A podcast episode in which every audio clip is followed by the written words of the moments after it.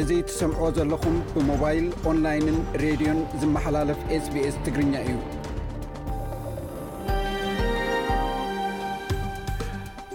ንሎሚ 28 ሰነ 223 ዝተዳለው ዜናታት ሒዘ ቐሪበ ኣለኹ ፈለማ ኣርእሳቶም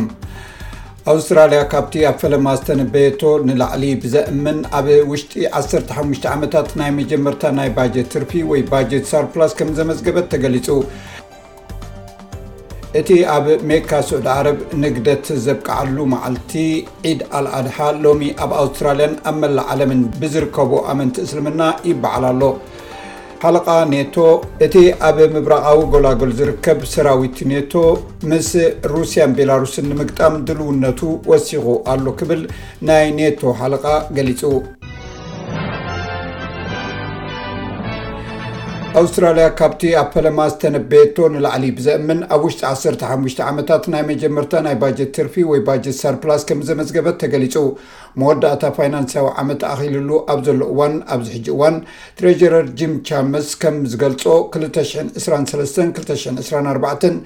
ትርፊ ናይ ባጀት ከም ዝርከብን ነቲ ኣብ ኣብቲ ናይ ጉንበት ባጀት እተነግረ ናይ ኣርባዕተ ነጥቢ ክልተ ቢልዮን ዶላር ትንቢት ክበልጽ ይኽእል ኢሉ። ኣብ ሰሜናዊ ግብጺ ከተማ እስከንድርያ ዓሰርተ ሰለስተ ደርቢ ዘለዎ ህንጻ ፈሪሱ ኣርባዕተ ሰባት ከም እተቐትሉ ጸብጻባት ካብ ግብጺ ሓቢሮም። ናይቲ ዞባ ጸብጻብ ከም ዘመልክቶ ጉጅለታት ሲቪላዊ ምክልኻል እቲ ህንጻ ብሶኒ ንግሆ ድሕሪ ምፍራሱ ኣርባዕተ ሬሳታት ከም ዘውጽኡ ሓቢሮም። ፕረዚደንት ነበር ዶናልድ ትራምፕ ብሰሉስ 27 ሰነ ኣብ ኒው ሃምፕሸር ጎስጓስ ምሮፅኒ ኣብ ዘካየደሉ ነቲ ናብ ቤተ መንግስቲ ዋይት ሃውስ ንክምለስ ዝገብሮ ፃዕሪ ዱልዱል ደገፍ ከም ዝረኸበ ተፈሊጡ ትራምፕ ነቲ ኣብ ፌደራል ቤት ፍርዲ ቀሪቡ ብዛዕባ ዝገበሮ ክሲ ምውሳድ ሰነዳት ነቲ ጉዳይ ብፖለቲካዊ ምክንያት ከም ዝተፈፀመ ንህዝቢ ገሊፅሉ ሓላፊ ኔቶ እቲ ስግረ ኣትለንቲካዊ ወተሃደራዊ ምሕዝነት ድሕሪ እቲ ኣብ ቀዳመ ሰንበት ብጉጅለ ዋግነር ዝተኻየደ ፈተነ ዕልዋ እቲ ኣብ ምብራቓዊ ጎላጉል ዝርከብ ወተሃደራዊ ኪዳን ምስ ሩስያ ንምግጣም ድልው ከም ዘሎ ገሊጹ ጆን ስቶልተንበርግ ኣብ ዘሄግ ምስ ሸሞንተ መራሕቲ ኔቶ ኣብ ዝገበሮ ኣኼባ መራሕቲ ኔቶ ኣብ ዓሰርተ ሓደን ዓሰርተ ክልተን ሓምለ ኣብ ርእሰ ከተማ ቪልየንስ ኣብ ዝራኸበሉ እዋን ንሩስያን ንመሓዝኣ ቤላሩስን ንምግጣም ኔቶ ዝያዳ ሓይልን ድልውነትን ክህልዎ ክውስን ይኽእል እዩ ኢሉ። ብመሰረት እቲ ኣብ ዩክሬን ዝርከብ ቤት ጽሕፈት ኣኽባር ሕጊ ዞባ ዶንስክ ነፈርቲ ውግእ ሩስያ ንክራምኬርክን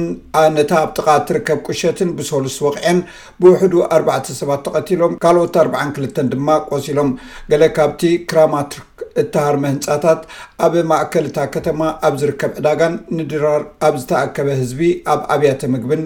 ከም ዝነበረ ተፈሊጡ። እቲ ኣብ ሜካ ስዑዲ ዓረብ ንግደት ዘብቅዓሉ መዓልቲ ዒድ ኣል ኣድሓ ሎሚ ኣብ ኣውስትራልያን ኣብ መላእ ዓለምን ብዝርከቡ ኣመንቲ እስልምና ይበዓል ኣሎ። ዒድ ኣል ኣድሓ እቲ ንእስማዒል ወዱ ክስውእ ብኣምላኽ ዝተኣዘዘ ነቢ እብራሂም ንምዝካር እዩ ዝበዓል። ሰዓብቲ እምንት ምስልምና እንስሳ ብምስዋእ ዝዝክርዎ በዓል ነቲ እብራሂም ምእንቲ ኣምላኹ ንወዱ ክስውእ ፍቓደኛ ምዃኑ ዘርኢ እዩ። ብዘይካዚ እቲ መስዋእቲ ከም ሓደ መገዲ ሰናይ ተግባር እዩ ዝቑጸር። ባር ሰማዕትና ንሎሚ ዝሓዝናዮም ዜናታት ቅድሚ ምዛምና ኣርስታት ዜና ክደግመልኩም ኣውስትራልያ ካብቲ ኣብ ፈለማ ዝተነበየቶ ንላዕሊ ብዘእምን ኣብ ውሽጢ 15 ዓመታት ናይ መጀመርታ ናይ ባጀት ትርፊ ወይ ባጀት ሳርፕላስ ከም ዘመዝገበት ተገሊፁ እቲ ኣብ ሜካ ስዑዲ ዓረብ ንግደት ዘብቅዓሉ መዓልቲ ዒድ ኣልኣድሓ ሎሚ ኣብ ኣውስትራልያን ኣብ መላእ ዓለምን ብዝርከቡ ኣመንቲ እስልምና ይበዓል ኣሎ ሓለቓ ኔቶ